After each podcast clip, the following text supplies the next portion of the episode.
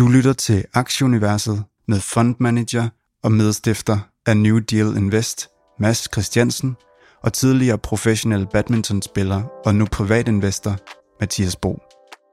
Velkommen til Aktieuniverset. We are living through an era of unprecedented change to our society as well as our economy. Make no mistake about it. Growth is not just a financial issue, it is a strategic issue. Velkommen til 94. 20. udgave af podcasten Aktieuniverset. Det er i dag lørdag morgen og nærmere betegnet den 16. juli. Dagens temaer, vi skal selvfølgelig en uh, nyhedsrundtur. Der har været nogle CPI-tal, der har været nogle detaljsal for USA kommet ud. Vi er skudt regnskabssæsonen i gang med en del bankregnskaber. TSMC har også været i ilden, og god gamle Good Food har også været i ilden. Det kigger vi selvfølgelig på, når, vi, øh, når der er nedad. Der har været øh, en del spændende nyheder og sjove historier den her uge, som vi lige kigger, øh, kigger lidt nærmere på. Og øh, godmorgen, Mads. Godmorgen, Mathias. Hvordan har din øh, handelsuge været? Øh, jeg, jeg har holdt ferie, så, øh, så jeg har gået og, og kigget lidt til det og, og sådan nogle ting, men øh, ellers så har det jo været sådan lidt, øh, lidt op og ned øh, for en gang skyld, synes jeg. så, så, men men øh, sluttede på en, på en god tone i, i går. Øhm, så, øhm, så, så det er rart. Jeg synes, det er sindssygt spændende lige nu. Øh, og så har jeg kigget rigtig meget på Unity og, øh, og den her Iron Source, øh, Iron Source øh, merger, øh, hvor jeg lige da, da jeg sådan da jeg kiggede på den, jeg er Unity-aktionær, aktionær, så var jeg sådan, nej, altså, hvorfor skal de nu det og med, med det der selskab? Men, men jeg må indrømme, at, at jeg er ret upbeat over det, øh, efter at have fået kigget ind i det, og, og det kigger vi meget mere på øh, sidst hen i showet. Hvad med dig, Mathias? Hvor er du henne i verden, og, og, øh, og hvordan med de nu? Jeg, jeg er tilbage i, øh, i Indien og kørt fuld på med træningen. Jeg skal til, øh, eller vi skal til Commonwealth Games i næste uge. Den, øh, den 28. starter det i Birmingham, så øh, det bliver meget sjovt at, at prøve det. Så jeg er i gang med at preppe spillerne til det, så, øh, så det, bliver, det bliver fint. Vi er endnu en gang så heldige at kunne, uh, kunne præsentere den her podcast i samarbejde med Hello Fresh Group, sundt og bæredygtig mad, uh, leveret direkte til snotten på dig. Og det er selvfølgelig inklusive opskrifter, som uh, gør, at selv masser af jeg, vi fremstår uh, let på tog, som, uh, som René Redzepi i køkkenet. Ja, ja og, og, øh, og varierede opskrifter. Nu er, nu er vi ude at rejse med, med de her tvillinger på, på seks år, og det er simpelthen en fornøjelse, at, at ligegyldigt hvad pokker vi inden øh, sætter foran dem af mad, som, som de ikke kender, jamen så, øh, så, så spiser de af det, øh, og, og kan lide rigtig meget og sådan noget. Og det er en super frustrerende oplevelse som forældre samtidig, at man, at man ved, at det her det smager bare fantastisk godt, øh, men ens unger, de vil ikke spise af det. Øh, og, og øh, Hello Fresh har virkelig gjort en forskel for os derhjemme på den måde, at de får det ene mærkelige måltid efter det andet tre gange om ugen. Øhm, og, og det har de efterhånden vendt sig til, at mad ser ud på alle mulige måder, smager på alle mulige måder, øh, og, så, og så lærer man simpelthen at, at sætte pris på det som, øh, som barn også. Så, øhm, så det er i hvert fald en, en fornøjelse at rejse med, med HelloFresh øh, påvirket børn. Øhm, ja, så, øhm, så, så fedt med det. Og man kan, få, man kan få, hvis man nu gerne vil lære sine børn at spise alle mulige forskellige slags mad, så kan man få rabat på nogle kasser, ikke Mathias? Man hopper simpelthen bare ind og tyrer aktie ind, og så får man 30% rabat på første og anden kasse, og derefter 10% på tredje og fjerde kasse, og det gælder kun nye kunder. Vi starter som, øh, som vanen tro, Mads, lige lidt på, på indeksniveau. Øh, S&P'en, den, den bakker en lille smule 1%, DAO er 0 minus, øh, Nasdaq'en minus halvanden. DAX lidt over 1% minus øh, 25,5% ned efter en rigtig god Novo-dag i går. Det vender vi lige tilbage lidt for en gang skyld. Den 10-årige rente, den faldt også noget i, i 1,93, olien i 97 dollars, og så sådan omkring de her overordnede, sådan helt, helt overordnede ting, så havde vi jo det her parity i, øh, i euro-dollar-krydset, der var lige nede og runde. Nu ligger den i en lille smule. 11 procent af, af euro nede for, for året kontra, kontra US dollar, så det er jo spændende at se, hvor, hvor grænsen er. Folk begynder at tale lidt om, at US dollar er, er dyre over for, for euroen i øjeblikket, men øh, ja, det, det er i hvert fald den vej, pengene ryger i øjeblikket, så må vi se, hvor, hvor lang tid vi skal ligge her, eller vi skal længere ned. Det, Øh, det skal jeg i hvert fald ikke kloge mig på. Ja, det er jo, det er jo også en af, af de der dysbalancer, der er lige nu, øh, at der er så stor efterspørgsel på dollar over for, for alle andre øh, valutaer, øh, og noget af det der, der sådan er et tegn på, at, at der er noget skævt i, i systemet, som på en eller anden måde skal luftes ud. Bitcoin bakker en lille smule i forhold til sidste uge, 20.715, tror jeg lige det her, der er tastet den her til morgen, og Ethereum i 1200 relativt uforandret øh, på, på den gang. Vi har også lidt kryptonyt senere. Ugens vigtigste tal, det her CPI-tal, det kom, øh, det kom onsdag, det her inflationstal, og øh, ja, det lander på det, på det højeste niveau i 40 år. Forbrugerpriserne, de steg øh, 9,1 procent i juni måned i forhold til samme måned sidste år. Konsensus lød på 8,8 øh, den her kerneinflation, som, øh, hvor man fratrækker fødevare og energipriser, den lander også højere end, end ventet på, på 5,9 procent i juni mod forventningerne 5,7. Øh, I maj måned lød kerneinflationen på, øh, på 6 procent. Øh, det, det gjorde, at vi så det her bølgemarked. Vi lå lidt lille smule op onsdag i, i futuresne, da den kom. Da de her så kom, så bakkede vi helt ned i kælderen og var helt ned i, øh, i, øh, hvad hedder nu, i skunken og, og, og rundt op, men, øh, men så så kom vi lidt tilbage, og øh, ja, sluttede ikke så slemt, som, som det var. Men øh, jeg tror egentlig også, at de fleste analytikere havde peget på, at det ikke det var ikke den her måned, vi, vi, vi så vendinger. Det er måske også derfor, at landingen trods alt blev en lille smule blød i, i, i slutningen af, af tradingdagen. Øh, jeg tror rigtig gerne folk og, øh, og øh, aktieinvestorer, de vil se det her fald, tal falde for, for juli måned, når vi, når vi når hen til det her, fordi at, at ellers så tror jeg godt, vi kan tage et, et ordentligt brag ned igen. Øh, men øh, ja, øh, spændende at, at holde øje med det vi jo også så, det, det var, at, at den, den 10-årige, øh, 10-årige rente, øh, den spikede op, da tallet kom, øh, fordi det var, det var højt. Øh, og så så vi faktisk den 10-årige rente ende, ende, ende lavere øh, på den dag, og det virker sådan lidt, lidt kontraintuitivt. Og jeg, jeg har hørt et, et interview øh, faktisk fra øh, Andreas Steno Larsen, som vi har haft med her nogle gange, hans podcast, The Macro Trading Floor, er virkelig værd at lytte på, hvis man gerne vil forstå de her makro-tendenser. Øh, og de havde en brite med, som øh, virkelig var sjov at lytte på, og han sagde, han sagde, at det her med inverteret rentekurve, det, øh, at, at det forudsiger recession, det, det er noget værre pjat, siger han. Det, det, det forudsiger, det er, at, at lige om lidt, så kommer der recession, og så, og så bailer Fed, og så begynder Fed at, øh, at sprøjte penge ud i systemet. Så, så når... Øh, altså, så, så det, at, øh, at den lange rente er lav i den situation, det handler om, at man, øh, at man forventer, at der kommer en lempelig pengepolitik lige om lidt, fordi der kommer recession. Men, men, men det er det, markedet mener lige nu generelt, det er, at vi får en øh, recession, øh, og så får vi en, øh, så, så får vi også en inflation, som bliver meget faldende øh, på grund af, at den af recessionen afledte øh, faldende efterspørgsel. Og meget af, meget af, af, den, af, den stigende, af de stigende priser skyldes jo forsyningslinjeproblemer øh, og krig i Ukraine og så videre. Så når man oveni også så smider en, en øh, nedsat efterspørgsel ind på grund af en recession, så kan inflationen godt komme til at falde ret hurtigt. Og så mener rigtig mange derude nu, at, at vi kommer til at se meget lav inflation, måske endda deflation i 2023, og derfor bliver det muligt for, for Fed, og også nødvendigt for Fed at stimulere øh, pengepolitikken i 23. Øh, igen det her med øh, tech er typisk det, der vender øh, først, når vi når bunden, øh, og tech har været faldende nu i et år på grund af den her historie om stigende renter, og at, at, det, er et, at, at det skal give en lavere værdisætning øh, for tech. Så, øh, så på den måde så kan der godt være noget i, i kakkeloven for, for tech, og det er en historie, flere og flere taler om. Det er klart, når flere og flere taler om det, og det ikke sker, så, så bliver man også en lille smule øh, bekymret øh, alligevel.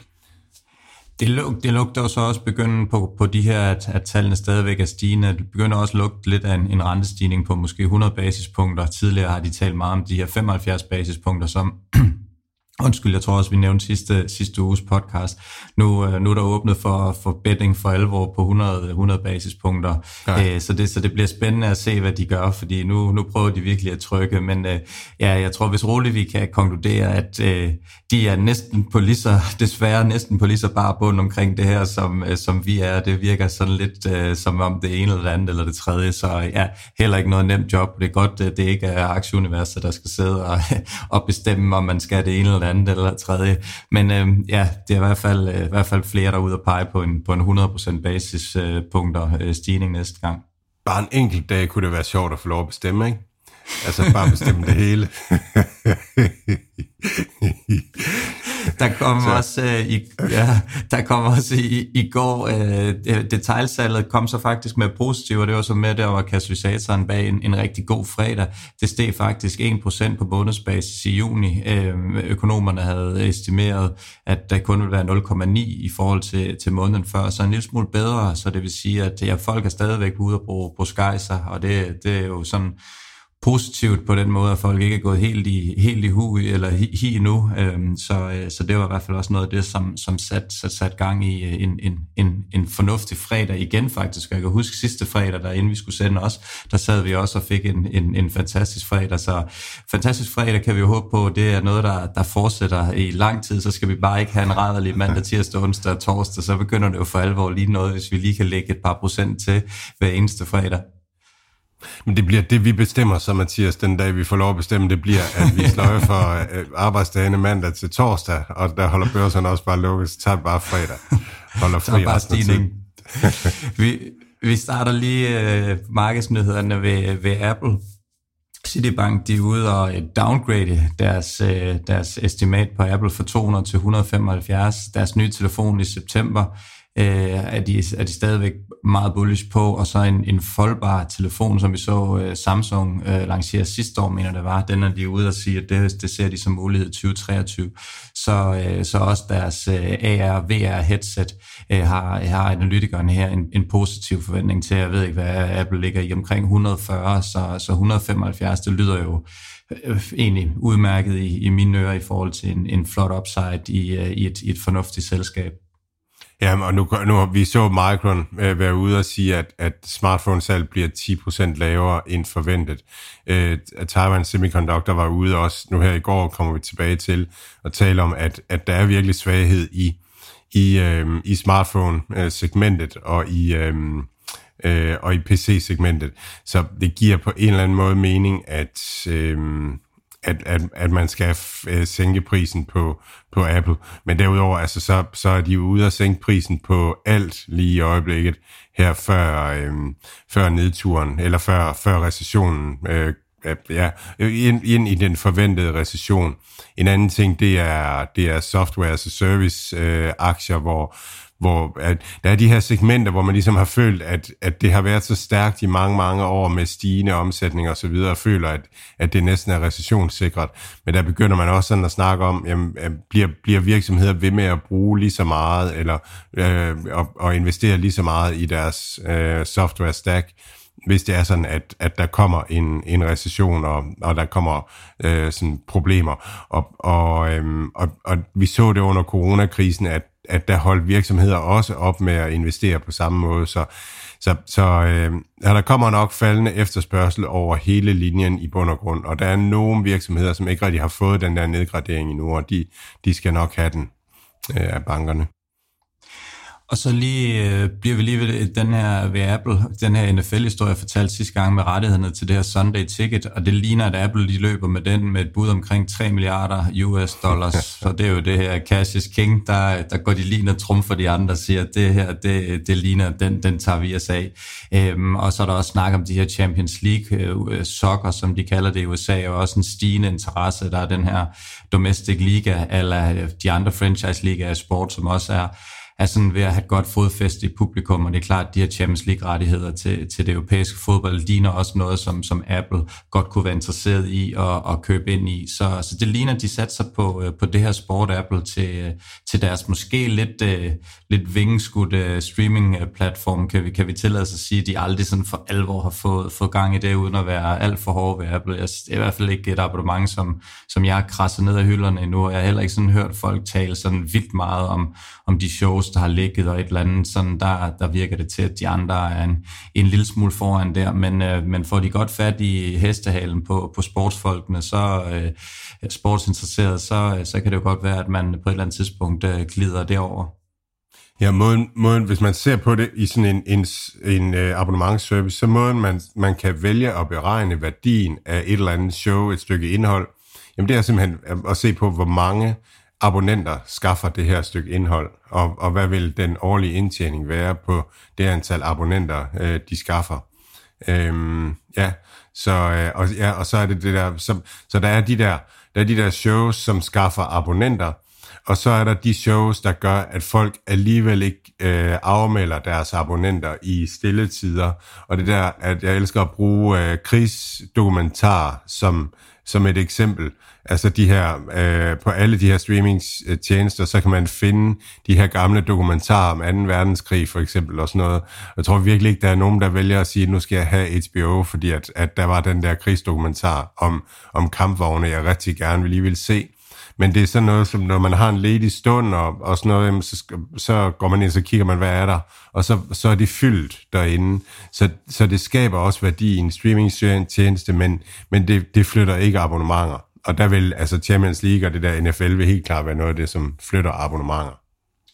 Så er der et, øh, et, et sjovt øh, hvad hedder det nu, øh, samarbejde i gang med Amazon og Starbucks de har lavet sådan et, øh, et samarbejde i de her øh, Amazon Grab and Go øh, supermarked. Det, det går simpelthen ud på, at man, der er ikke rigtig noget staff derinde. Man bipper sig ind med sin telefon, så hopper man ind, og så flår man ned af hylderne, og det er alt sammen overvåget af, af kamera, AI og alt muligt, som registrerer, at du køber, nu køber masse to frugtjuice og, og en gang kokosnød, og så, så hopper du ellers ud af butikken igen. Og der har de så lavet samarbejde med Starbucks, som, som så laver sådan en kasseløs kaffelevering inde i de her Grab and, uh, grab and Go Amazon Amazon-ting. Øh, så, øh, så det er meget sjovt at, øh, at, at se det, og se de her større spillere samarbejde med det her. Det er jo klart, at det, det, det har jo en værdi, jeg kan i hvert fald, jeg ved ikke helt måske, om jeg kan se det fra Starbucks synspunkt, men jeg kan godt se det fra Amazons synspunkt, at du kan lige starte med at gå hen og bestille en, en kaffe, så kan du lige gå rundt og købe din, din kokosnød, din frugtjuice, og så gå tilbage og hente den her kaffe, når den er så klar, og så er det ud af, øh, ud af butikken igen.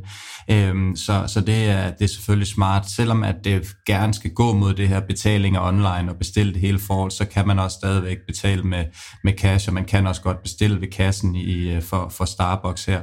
Så, øh, så det åbnede de det første af i november måned i New York, og, øh, og det smagte så åbenbart af mere, fordi nu, øh, nu, åbner de, øh, nu åbner de butik nummer to. Jeg har ikke selv prøvet de her Amazon Grab and Go, men hvis der er nogen af vores lyttere, som er i, i, i New York, så ligger den mellem Park og Lexington Avenue på 59. Street, så hvis der er en, der er derovre, så smut lige hen forbi i butikken og, og prøv det af, og så, og så se, hvor, hvordan det virker, så lige melde ind en gang her. Øhm, det er, i hvert fald, det er i hvert fald sjovt at, at høre om det her. Det er i hvert fald en af de ting, man lige skal prøve, når man er i USA næste gang.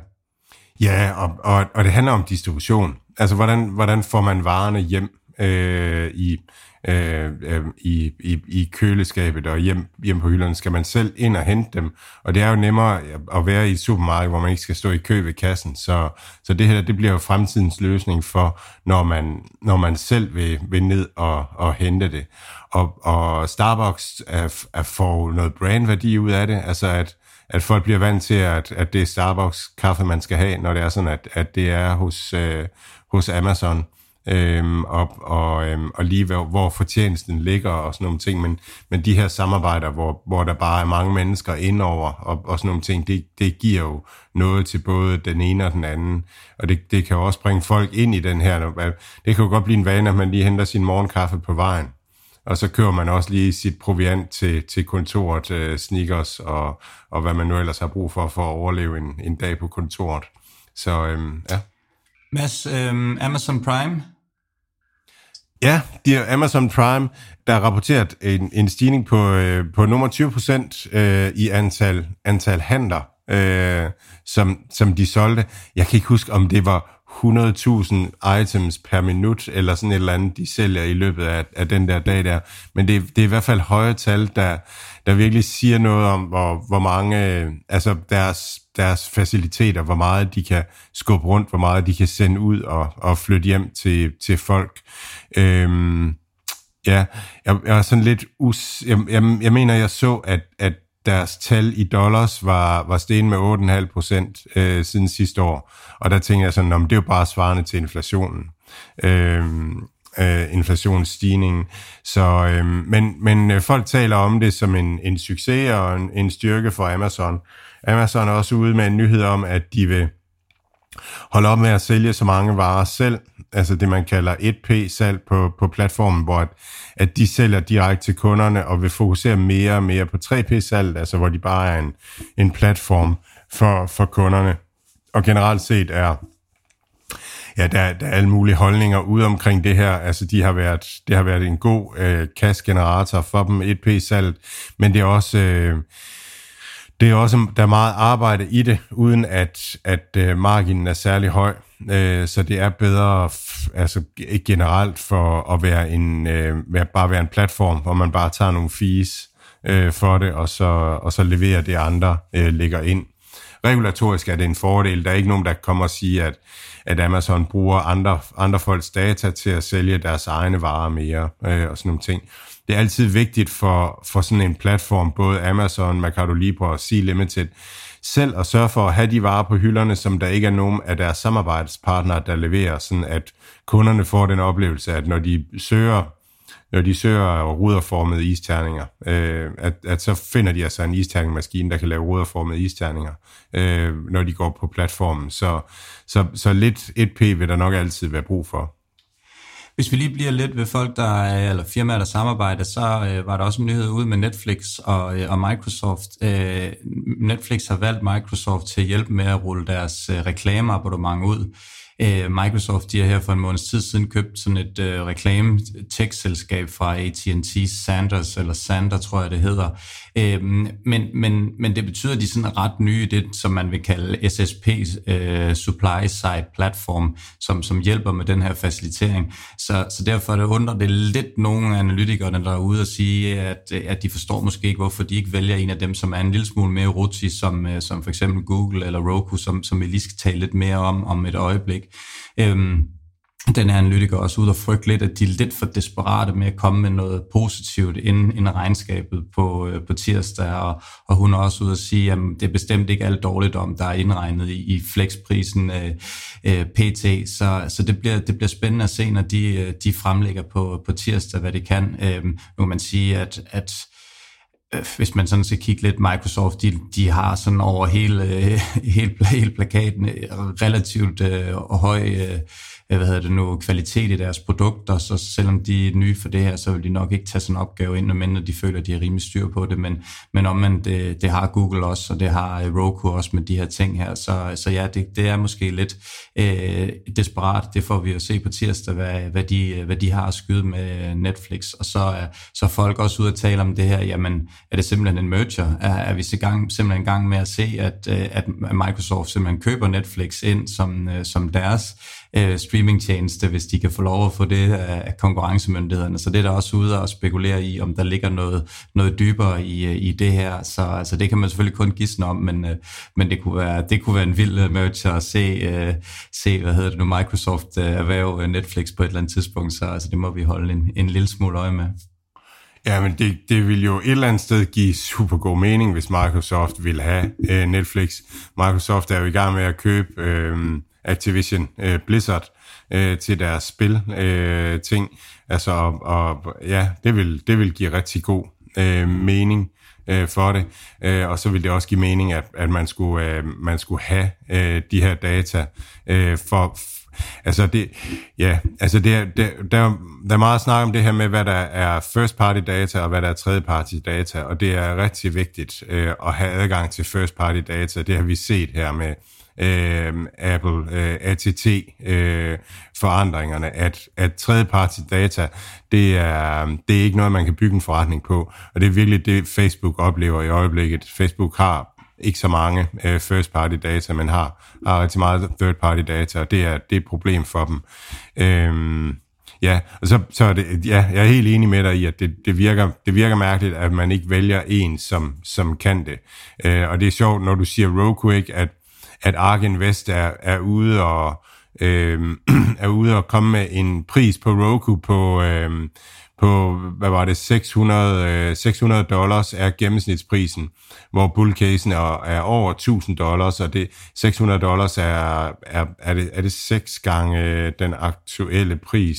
Det er i hvert fald en, en, øh, det, man kalder en CAGR, øh, Accumulated Aggregate Growth Rate på 73, 53 procent over 5 år øh, for, øh, for Roku. Um, og, og, og, og og tesen for Roku, det er netop, at Roku skaber, de, altså skaber first party data, øh, data man selv ejer øh, og selv har, har taget ned. Det er ikke nogen data, man, man køber eller skal have andre steder, øhm, og kan derfor ligge de rigtige reklamer over for, for de rigtige folk, fordi man kender folk bedre og bedre ned ad vejen. Øhm, så det, det, det bliver særdeles værdifuldt, og, og der må man sige, Netflix har jo så vanvittigt mange øh, folk, der er inde og bruger tid på deres platform, så de skaber så meget first party data. Så det er derfor, der, der er også dygtige folk derude og sige, at det her det bliver vildt stort øh, for Netflix, og, og er meget bullish på Netflix, med henblik på, hvis de får det her til at lykkes, at, at så kan det blive rigtig, rigtig stort. Øh, og andre er mere skeptiske på, om, altså om Netflix kan gøre det, og, og gøre det rigtigt, øh, og sådan nogle ting. Så øhm, det er spændende. Men det kan også være en, en, måske en aftale om, at Microsoft har, har, har valgt at, at committe sig til det her, og vil have det her på hylderne, og så vil samarbejde med Netflix om at få det, øh, få det gjort øh, rigtigt øh, på en eller anden måde. Jeg kan lige informere her, at Roku ligger på omkring øh, 85 US dollar pt, så er en flot upside, hvis øh, den gode øh, Cathy Wood, hun får, hun får ret i det her også. Det virker, det virker selvfølgelig lidt, øh, ja, i de her tider virker lidt vanvittigt, vi snakker om ja, 10, 10 gange op næsten, men ja, ja, vi må se. Øhm, en misære, som, som bestemt heller ikke måske også kommer til at præge de næste mange år med alle mulige retssager, alle mulige uh, Twitter versus uh, Musk du har lige lidt, øh, lidt nyt derfra, Mads. Ja, ja. Øh, jeg tror, jeg sagde sidste gang, at, at, at det her med, at, at det, det gav ikke mening, at det kunne være på grund af de her bots, at, øh, at Musk, øh, Musk ikke ville, ville købe Twitter. Øhm, og der, der er meget snak om, at, at det i virkeligheden sådan er, er en taktisk ting, at han håber på at, at få, få, få Twitter billigere. Det, han, har, han har selv været ude og lægge sådan en tweet ud, hvor, sådan en meme-tweet, hvor han, hvor han skrev det der med, at, at de her data omkring botterne har ikke været noget, Twitter vil give ham, øh, men, men nu kommer de til at give det i, øh, i retten. Øh, så det, det bliver de nødt til. Så så ja, og så, så er der ligesom flere forskellige muligheder. Den ene mulighed, det er, at, øh, at, han, bliver, at han bliver tvunget til at, at købe. Den anden mulighed, det er, at han får at vide rent faktisk, hvor mange bots der var, og så, så passer det meget godt med det, som Twitter har sagt, og så køber han måske bare til den pris, man har aftalt. Og den tredje mulighed, det er, at, at det faktisk er ser lidt dårligere ud, øh, end det Twitter har, har oplyst ham, og så, så bliver Twitter måske idømt til at, at sælge til en lavere pris. Så, øhm, så det, er egentlig, det er ikke nødvendigvis, at han ikke vil købe, men det er måske bare, at han, at han spiller den her situation bedst muligt til at få en, en lavere pris.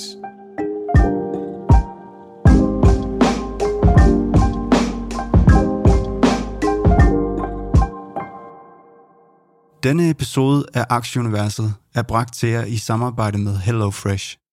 Vælg mellem en masse spændende retter og få dem bragt direkte til døren i passende portioner, klar til at tilberede. Brug koden AKTIE ved checkout for at få 30% rabat på de første to kasser og 10% rabat på de næste to kasser.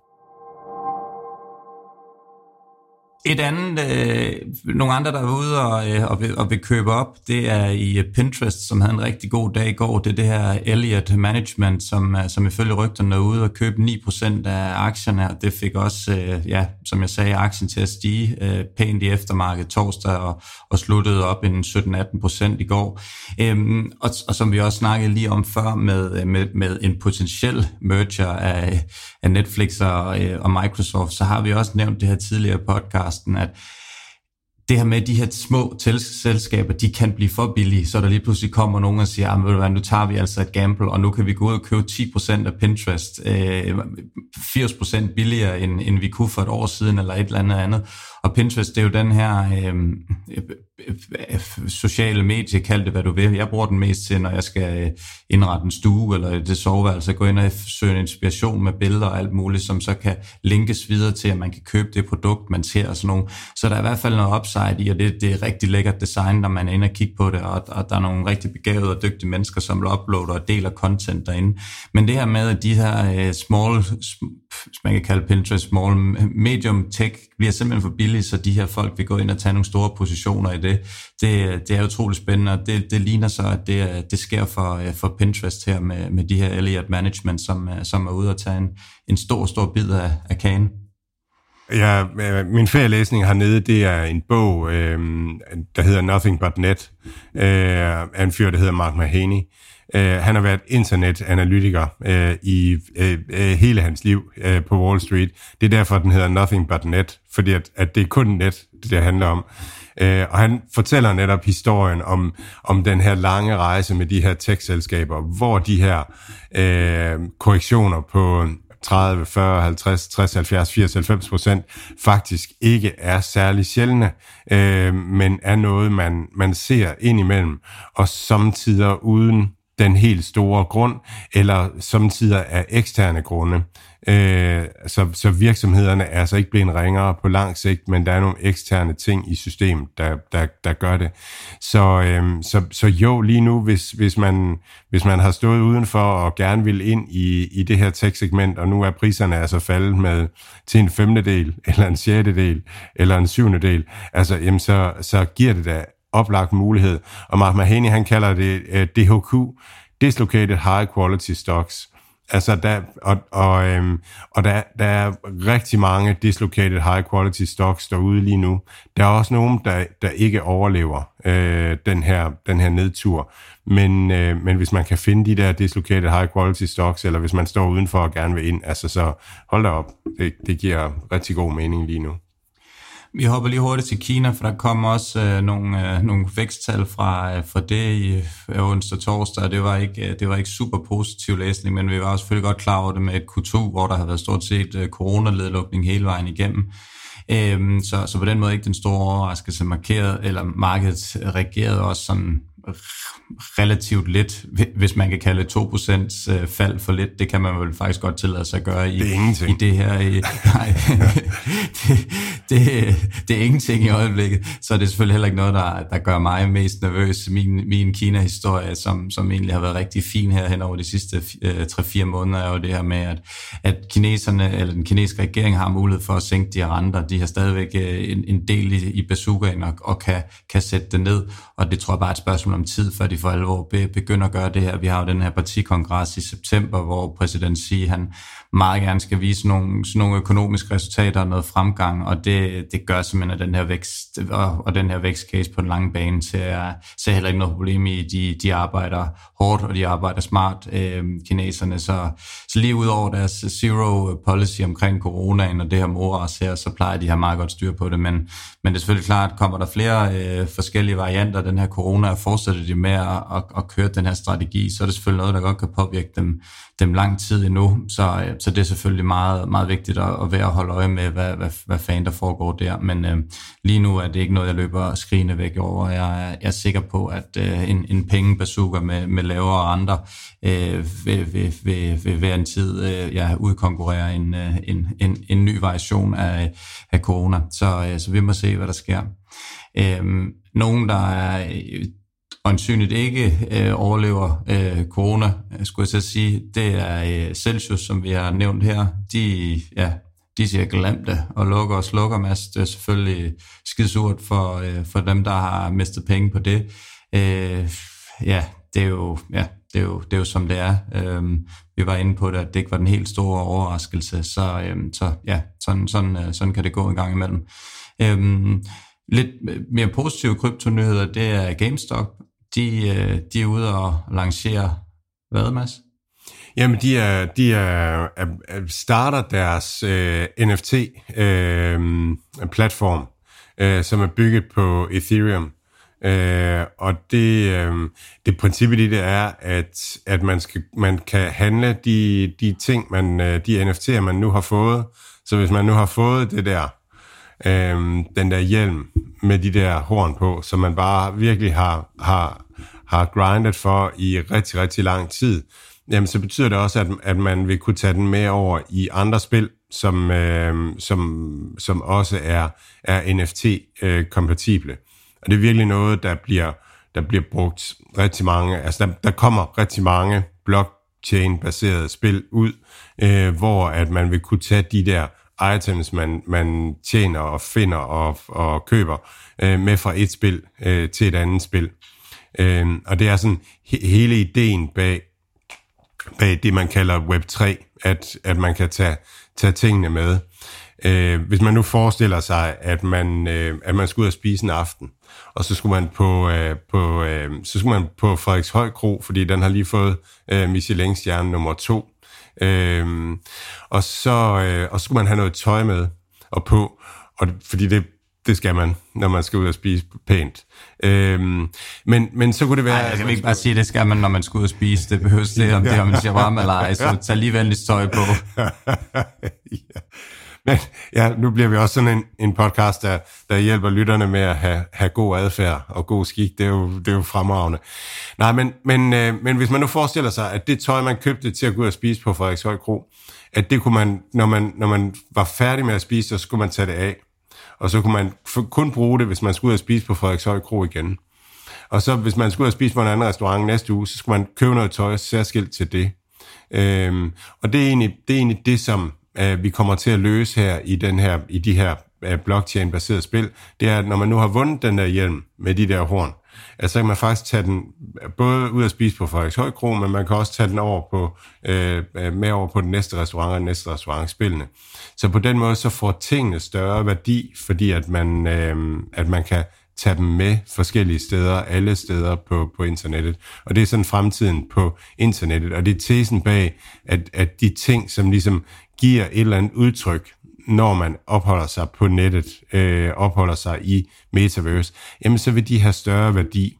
Og der har, der har, øh, der har, øh, der har GameStop altså satset på at lave, lave infrastrukturen for at handle de her øh, øh, ting, som man, man kan købe i nettet og, og skabe den platform, hvor at, at de vil blive handlet på. Så øh, og den, er, den er startet nu, og det er sådan en, en tidlig øh, beta-version.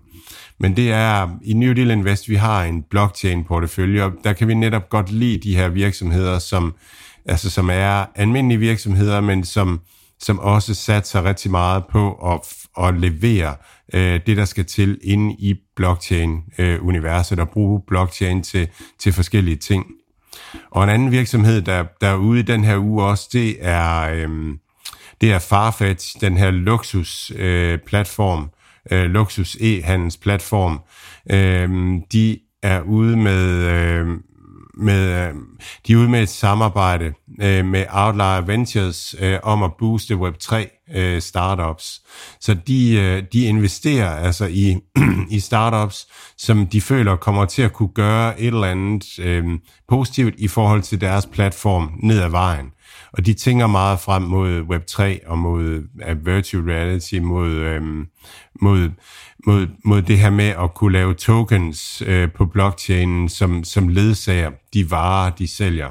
Og, og det, øhm, det, som Farfetch gerne vil, det er ligesom at lave en, en, en, en komplet øh, platform for sælgerne, sådan at, at sælgerne automatisk kan lægge tokens på, øh, på de varer, de sælger.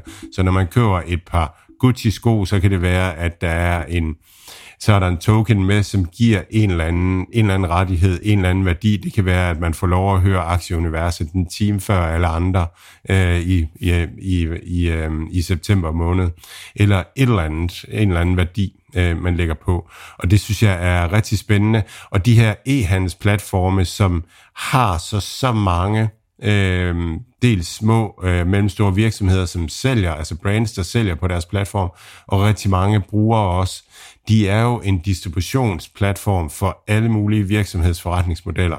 Så jeg synes, det er fedt, når, når man når man også ser, at de investerer i startups. Så det gør både Mercado Libre, C Limited og Delivery Hero har en masse øh, venture-investeringer i startups. Så ja, interessant. Vi, vi tager faktisk lige, faktisk lige en hurtig tur hjem til Lille Danmark igen. Det er jo ikke danske aktier, vi gør os mest i, eller gør os i nærmest overhovedet. Øhm, jeg synes bare lige, det, det nævner, eller på sin plads at nævne, Novo Nordisk gør det kanon godt. De er altså op 34 procent de sidste 6 måneder. Øhm, de var også ude at få en, en, øh, en hævet deres anbefaling fra, øh, fra Morgan Stanley de sætter et kursmål på 915, en 10% upside herfra. Den her øh, til syden, eller helt åbenlyse US dollar medvind har, øh, og så deres, deres fedmemiddel gør, at, at USA har klaret, eller at, at Novo har klaret sig ekstremt flot, så, øh, så det er jo, øh, ja, man kan sige, ikke uden grund, at det er danskernes favoritaktie, så altså, det kan godt være, at vi skal, vi skal se, om vi kan kigge lidt den vej også med, altså få, få det med, fordi det, det, det er bare imponerende, som, øh, det, det, det, det, man sådan med, med, med et smil i øjet siger, det er Novo, der holder hele Danmark i gang med, med deres øh, skattebetalinger og så videre, fordi det er egentlig et, ja, et af Europas største selskaber nu her. Det, det er imponerende, at, at vi, kan, vi kan levere så, så stærkt i, i Danmark. Øhm, et andet højkvalitetsselskab har haft det noget sværere. Mærsk er også et af de selskaber, som jeg kigger lidt fra, for måske at diversificere lidt i porteføljen inden for skib. Det ved man, det er bare kvalitet på vand. Øh, de, har, de har haft et, et, et svært år med ned omkring 25 procent, men Morgan Stanley har også været ude og hæve kursmålet på den til, til 24.000. Jeg tror, den ligger i 17.500 nu. Så pæn, øh, pæn upside øh, for, for det, og en, en række andre DSV også værd at nævne, at de har omkring 1200 i, i kursmål, ligger omkring kurs 1000 nu blandt andet. Så, så der er i hvert fald, der bliver holdt øje med de danske aktier fra, fra USA også, og øh, ja, det er, der er i hvert fald noget, noget helt bestemt, nogle, nogle rigtig, rigtig spændende og høj kvalitet i, i de danske selskaber, så, øh, så vi må se, om vi kan, kan udvides vores, øh, vores viden en lille smule og, og kigge lidt mere på dem, eller så måske i hvert fald finde en ekspert, som kan, kan gøre det også. Det, det synes som jeg i hvert fald, de aktier, om det. Ja. ja, det synes jeg i hvert fald, de her aktier fortjener, fordi de, de, gør det, de gør det helt fantastisk godt. Mads, vi fik jo gang i, øh, i regnskabssæsonen. Øhm, bankerne, de har lagt for, de amerikanske banker har lagt for her øh, torsdag fredag. JP Morgan, de startede med et lidt dårligere end, end, end forventet. Øh, og det er, øh, ja, det er forventningerne til, til 2022, de blev også øh, justeret, og det fik ja, aktien til at falde en lille smule, øh, en lille smule torsdag. Morgan Stanley, de leverede også dårligere end ventet, og, og det fik sådan træk egentlig øh, hele, hele, hele banksektoren med ned Wells Fargo. Det samme, også lidt dårligere end, end, end ventet, og det, det indledte også med et fald. Og så kom Citigroup faktisk, som leverede bedre end forventet, og, øh, og ja, og, og de her forbrugstal, som vi nævnte tidligere, det gjorde simpelthen, at bankerne de, de vendte den her negative stemning for torsdagens, øh, torsdagens regnskab. Øh, Wells Fargo og Citigroup var ude fredag, men de to andre var ude øh, torsdag, det fik simpelthen vendt det her, øh, og gjorde, at, at Morgan Stanley og, øh, og JP Morgan var op 4% fredag, lukkede 4% op fredag, Wells Fargo lukkede 6% op, og Citigroup hele 13% op. Og man snakker jo tit om det her med, jamen det er bankerne, der er sådan en leading indicator, om det bliver en god eller en dårlig regnskabssæson. Øh, og så kan man bare sige her med, med tre ud af fire, som leverer dårligere end ventet, og en, der leverer bedre end ventet, jamen så er vi stadigvæk lige så forvirret, som vi har været hele tiden. Så det er i hvert fald ikke noget, der gør sådan synderligt meget klogere, udover at vi selvfølgelig kan sige, jamen hvis det, hvis det er hovedparten, som, som skal tæller, så, så kommer det til at være dårligt. Men øh, blandet regnskabssæson, det, det er vel også det, vi ser ind i, altså de selskaber, som som måske har, har gjort det godt og få forventet nogle af den her negative balance inden for, inden for vores aktier og tech, jamen dem kan vi måske også godt se stige øh, en del, hvorimod dem, som, som måske stadigvæk ikke leverer de her ting, som, som de måske har lovet investorerne, de kan godt sætte sig ret kraftigt. Så øh, jeg har i hvert fald øh, både regnjakke og øh, hætte og gummistøvler og alt muligt på, når vi går ind i regnskabssæsonen her, fordi der er der i hvert fald klar til at blive smidt ud over bord, og så øh, skal kæmpe op i båden igen, men øh, det kan da også godt være, at jeg lige har en lille flaske øh, champagne med inderlommen, hvis, øh, hvis det skulle se godt ud i, i en af mine selskaber. Så jeg, jeg er rustet til, til lidt af hvert, men øh, ja, jeg tror, det bliver, jeg tror, at bølgerne kommer til at gå rigtig, rigtig højt i, i det her. Alt, hvad Mads, Mathias og deres gæster siger, er deres egne meninger. Det er ikke finansiel rådgivning. Denne podcast er udelukkende ment som information og skal ikke bruges til at lave beslutninger om investeringer. Mads, Mathias og kunder i New Deal Invest kan have positioner i de virksomheder, der tales om i podcasten. Good food. Hvordan så, øh, hvordan så det ud? Det var et, øh, det blev taget okay imod i markedet. Det var meget neutralt, øh, øh, det der kom ud, og det var også et forventeligt, øh, hvad skal man sige, ikke særlig interessant regnskab at øh, kigge på. Øh, Good Food er jo i gang med at, at skifte forretningsmodel fra at være en meal kit virksomhed til at være en, en quick commerce øh, øh, baseret virksomhed. Øh, man vil gerne, øh, man vil gerne, de siger, deres mission er about solving meals, altså at løse øh, folks, det at få mad på bordet. Så, så de har en faldende omsætning øh, i forhold til øh, for et år siden. Øh, sidste år var også et, et super kvartal på grund af, af corona. Øhm, og så, øh, og så, så begynder man at, at være i mål nu efterhånden med den plan om at, at få bygget de her quick commerce øh, centre. Man, man har nu ni øh, micro-fulfillment centers, øh, har bygget tre på i det her kvartal, og man skal op på omkring øh, små 20 øh, centre for at dække øh, Toronto og øh, og hvad, hvad er det, den anden by øh, hedder derovre. Øh, Canada er jo sådan et, øh, nej, Canada er jo sådan et, øh, et, et specielt land, fordi at, at befolkningen bor i nogle store byer, og så bor der næsten ingen mennesker ude blandt bjørnene. Øh, så, øh, så, så man skal egentlig bare have de store byer øh, opfyldt. Og der er, der er to store byer, som man går efter lige nu, og der skal man have de her små 20 microfulfillment center, før at man er på plads. Og, og man er altså ved at være færdig med at investere nu i, øh, i fulfillment center og den infrastruktur, der skal til. Og så siger man, at man regner med, at man begynder at vækste øh, toplinjen igen i... Øh, i, i Q1 i 2023, og det er det der Q4 øh, normalt. Altså så i december kvartalet, øh, der, der begynder man at vækste toplinjen igen, øh, er ved at have det rullet ud, og så, øh, og så regner man med at være, være øh, positiv på bundlinjen i løbet af 2023. Så, så det man har gjort, det er, at for, for, for fire år siden, så noget, der var man en, en meal kit øh, virksomhed. Så begyndte man at lægge, lægge varerne i, øh, lægge andre varer i kasserne, øh, og vil gerne til at lave sit eget private label øh, med varer. Og det, det er også det, vi ser HelloFresh gøre, og, øh, og, øh, og også øh, Marley Spoon gøre. Øh, men, men Good Food har, har ligesom valgt at sige, at vi gør, det, vi gør det hele, så vi laver alle de supermarkedsvarer, som forbrugerne har brug for, dem laver vi i eget private label. Øhm, og det har man været i gang med i, i lang tid og op på øh, nogle tusind stockkeeping units nu. Øhm, så har man valgt at sige, at vi vil også vi vil kunne levere de her supermarkedsvarer hjem. Det gør man så via de her quick commerce øh, center, micro fulfillment centers. Så nu leverer man supermarkedsvarer, som er private label, og så leverer man øh, meal kits, som er øh, mad, der er klar til at blive samlet i et måltid, som vi kender det fra HelloFresh Group så øh, leverer man mad, som kan varmes, og så øh, leverer man også, man har lavet en aftale med noget, der hedder Pusata det nu, øh, som laver øh, mad, der er klar til at blive spist. Øh, det vil sige er varmet. Og det, der leverer, kan man levere morgenmad, frokost og aftensmad. Så det vil sige, at nu er man der, at man har en komplet løsning på folk, uanset om man har noget, der er klar, noget, man skal tilberede, eller noget, hvor man selv skal komponere maden, så kan man få det hele via Good Food nu. Så det er sådan den, den første komplette øh, løsning på, øh, på det hele derude, øh, bygget i Kanada og kun lokalt i Kanada. Og, øh, og så har man fokuseret rigtig meget på at få en positiv enhedsøkonomi nu her.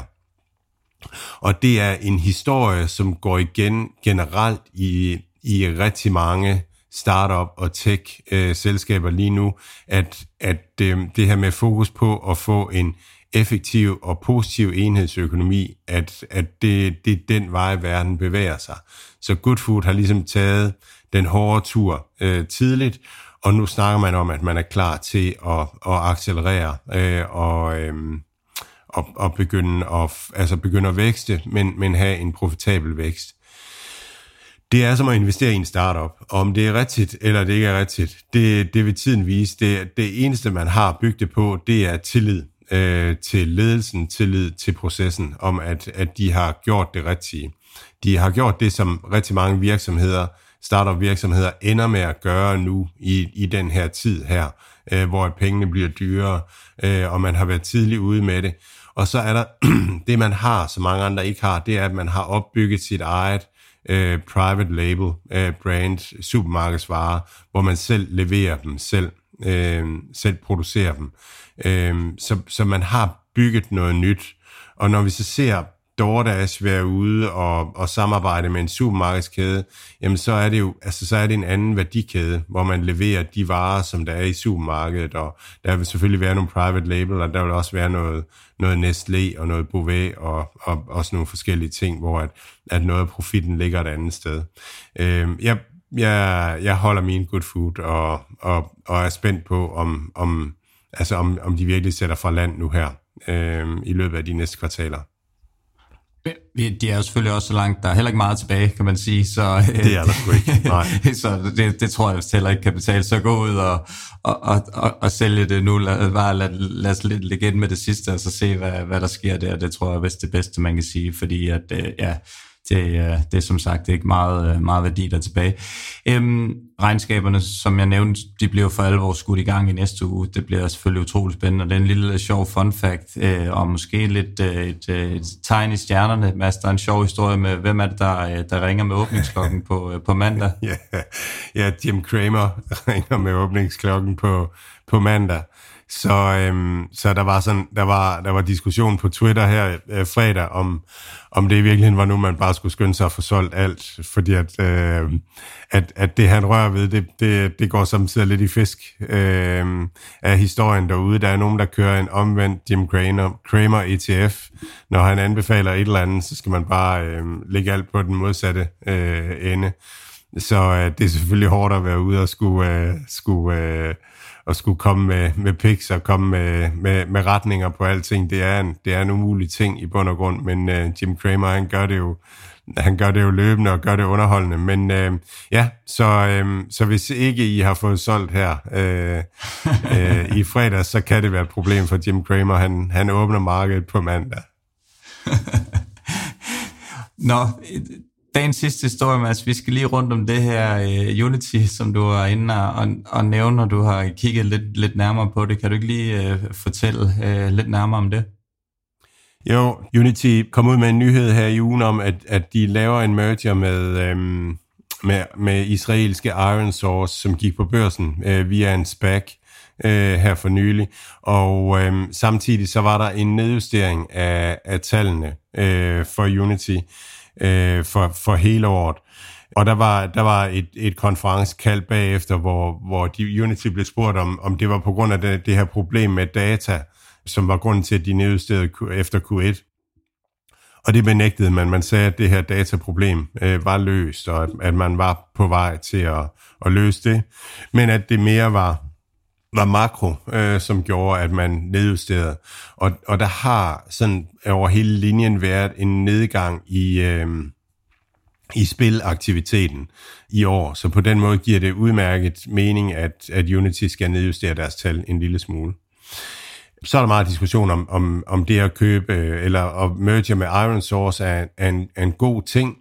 Jeg tror, øh, for mig personligt, så havde jeg mine Unity-aktier, fordi at de den her 3D-visualiserings øh, som, øh, som skal vokse ind i metaverse og blive kæmpestort og så videre, og så gider jeg ikke, at, at de at de merger med en eller anden øh, anden virksomhed, som ikke kan noget, der er lige så fedt, fordi at, at det, det var for fedt, det de kunne Unity og kan. Øhm, men når man sådan kommer ned under, hvad det egentlig er, så, så, øh, så giver det sindssygt god mening, synes jeg. Altså, så Unity er en 3D-simulator, som gør det nemt at bygge, bygge spil øh, i bund og grund.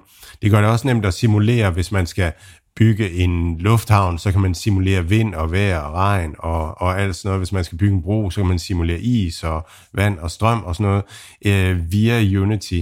Så Unity bliver motoren bag rigtig meget 3D-simulering øh, af, af verden derude. Og Unity har en, øh, en create og en operate del, hvor create det er den del, der hjælper spilproducenterne med at producere spillene, gør det nemt øh, at sætte vind på og sætte regn på og, og få det her menneske til at bevæge sig, som et menneske nu gør og sådan nogle ting. Alt det her kan Unity. Øh, så har de Operate, hvor de hjælper øh, app-producenterne, spilproducenterne med for eksempel at lægge reklamer på deres spil og, og løse en, en masse andre ting. Øh, de var ude og, og på et tidspunkt og, og proklamere, at de vil lave en konkurrent til Flexion, Flexion Mobile, som er vores, øh, vi har interviewet dem, øh, som, som hjælper spilproducenter med at komme på de her alternative third-party platforme som Amazon eller Samsung, Huawei, deres, øh, deres øh, app stores. Øhm, men det bliver aldrig rigtigt til noget, og Flexion er stadigvæk øh, den, den, der styrer det. Og jeg tror, det, det man skal forstå, det er, at Unity er rigtig god til, til create. Det er, det er der, at man kan lave de her øh, Øh, apps og spil, men meget af, af den resterende del, altså af Operate, er noget, som de er i gang med at bygge, og hvor de måske ikke er ledende i markedet. Og når man så kommer over til... Øh, når man så kommer over til, øh, til Iron Source og så se på, hvad de er. Og nu, øh, nu afspiller vi lige noget fra, fra Iron Sources øh, tredje kvartals øh, meddelelse. Kommer her. While it has become easier than ever to create an app, it has also become harder than ever to commercialize an app.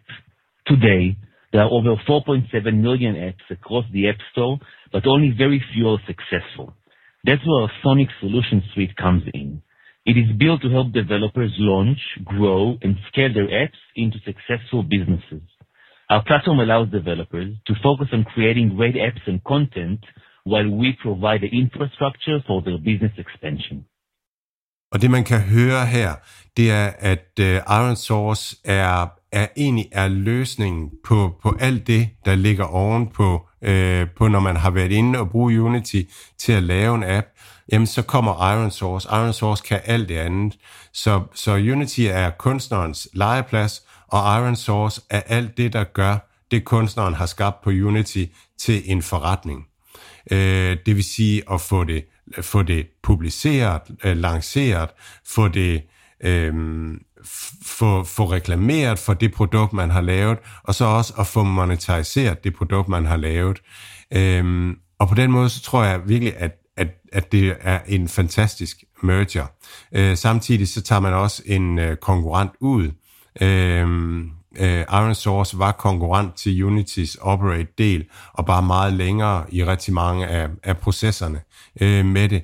Så nu får, øh, nu får creators, folk der gerne vil lave en app, de får muligheden for at bruge den kombinerede virksomhed af øh, Unity Iron Source, hvor man får muligheden for at, at gøre det hele samlet under den samme paraply. Det betyder altså også, at, at man kan bruge data samlet i, øh, med monetarisering af andre apps og, og ved ens egne apps, til at finde ud af, om det man gør over i Create-delen, om det er det rigtige. Hvis man laver den her tweak, giver det, monetariserer det typisk godt, giver det engagement typisk og sådan nogle ting. Så øh, det, det, det giver rigtig meget mening. Og, og jeg kan ikke lade være med at sammenligne Spotify, som, som vi talte om sidste gang, hvor Spotify ligesom bliver den her, øh, der kan hjælpe folk, der gerne vil lave et stykke musik, hele vejen fra start af med at kreere musikken, og så til at få det publiceret, og til at få det monetariseret ned ad vejen. Nu kan Unity det samme for, for folk, der gerne vil lave, øh, vil lave apps. Når man spørger Unity, hvad, hvad, er, så, hvad er så fordelene? Jamen så er det, det første, de siger, det er datadeling. Øh, Unity har noget first... Øh, øh, har noget, noget proprietært data på forbrugerne, noget first party data, og det har Iron Source også. Det ligger forskellige steder i, øh, i, i, hvad skal man sige, i appens stack, i appens levetid, og dermed så, så, bliver, det bare, så bliver det bare stærkere af, at man, man har to forskellige typer af data, en, en større dybde i dataen så, øhm, så siger så siger det kan tælle, oh, ja, øh, så siger CEO for, for Unity, han siger, at punkt to, det er mediation. Øh, der har øhm, Iron Source øhm, noget, der hedder Level Play, og, og normalt, når du laver en, en app, så, øhm, så begynder du at lægge reklamer på. Der ringer du til en eller anden og siger, vil du lægge reklamer på min app? Og det vil de gerne, og så gør de det. Og så oplever man, at det går godt, men som, som appen skalerer og bliver brugt mere og mere, så er det ikke nok med én øh, app-server, en der hjælper med at lægge øh, reklamer på, fordi at nu kommer man ud til flere geografier osv. Så, videre. så, så når man bygger en app, så kan man godt ende med at samarbejde med, med, med 15 forskellige øh, folk, som lægger reklamer på appen. Og der, der, er, der får man brug for en app mediator, som er sådan en, øh, som er, er Iron Source Level Play.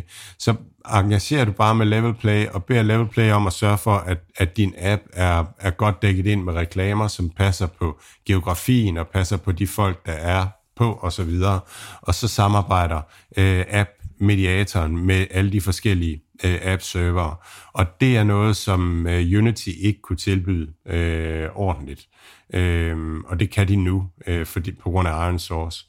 Og så har Iron Source et produkt, de kalder Supersonic, som er, øhm, som er, er et, et, et, produkt, et, et, et stykke software, der hjælper øh, app. Når man har lavet en app, så bruger man Supersonic til at få øh, omdannet appen til et produkt simpelthen, og så til at få automatiseret app-udgivelsen.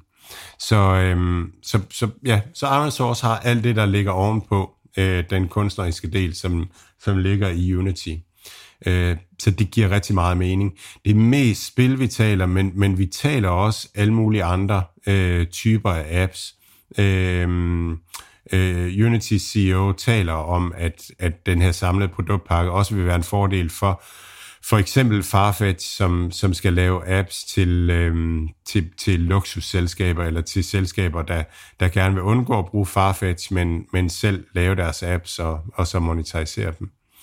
Øhm, ja, så jeg synes, det er, jeg synes, det giver sindssygt meget mening. Øhm, der kommer mange forbrug, eller øhm, Unity-delen bliver sådan en aggregator af folk, der laver apps, af kunstnere, og så kan man hjælpe dem hele vejen igennem øh, Iron Source-systemet.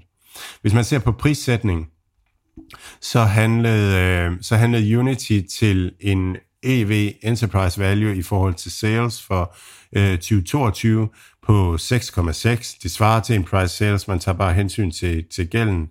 Øhm, og Iron Source handlede på en øh, EV sales på 3,6. Øhm, Unitys styrke, tror jeg, i, i forhold til Iron Source, er, at man, man har fat i, i dem, der laver appsene. Man er nødvendig for at lave en, apps, en app i fremtiden, øh, og man har hele den her metaverse-optionalitet, at man bliver vigtig for den lange fremtid. Så jeg tror, Unity sådan ligesom har meget at byde på i forhold til langsigtet, øh, for den langsigtede investor. Men det Iron Source virkelig har noget at tilbyde, det er, at Iron Source er profita- profitabel i dag, og, de, og Iron Source vokser, og var sat til at vokse mere i omsætning end Unity øh, i år. Så Iron Source har en, en kassemaskine lige nu, hvor Unity har en, en forventet gloværdig fremtid på lang sigt, men har ikke formået at monetarisere det lige nu. Øh, og så, så, så Iron Source kommer ind og kan monetarisere øh, Unitys økosystem lige nu øh, bedre end Unity selv har kunnet. Øh, så jeg synes, jeg synes også, at prissætningen giver mening. Øh, Iron Source kan godt blive det, der gør, at at Unity kommer til at tjene mange flere penge her de næste øh, 1-5 år. Hvor at, at Unity har den der lange, øh, lange optionalitet med at blive, blive infrastruktur for Metaverse øh, fremadrettet. Så giver bare meget mening, og, og jeg synes, prissætningen virker meget rimelig, så øh, jeg synes, super spændende og, og, og fede perspektiver, og det bestemt gjorde mig væsentligt mere interesseret i Unity-aktien øh, nu, øh, den her samlede enhed. Mads, vi kom øh, vidt omkring i dag, og øh, tror kun, der er tilbage at sige, øh, ja, som, som så vanligt, god weekend. Tak for i dag, og øh, spændende uger, der, der kommer op her. Vi, øh, vi er selvfølgelig igen på, øh, på pinden næste weekend med, med en del spændende regnskaber, som, øh, som kommer derud. Så rigtig god weekend, og øh, jeg håber, det danske sommervejr er, er god vejr, så vi kan komme ud og få lidt, øh, lidt sol på brystkassen. I lige måde, Mathias.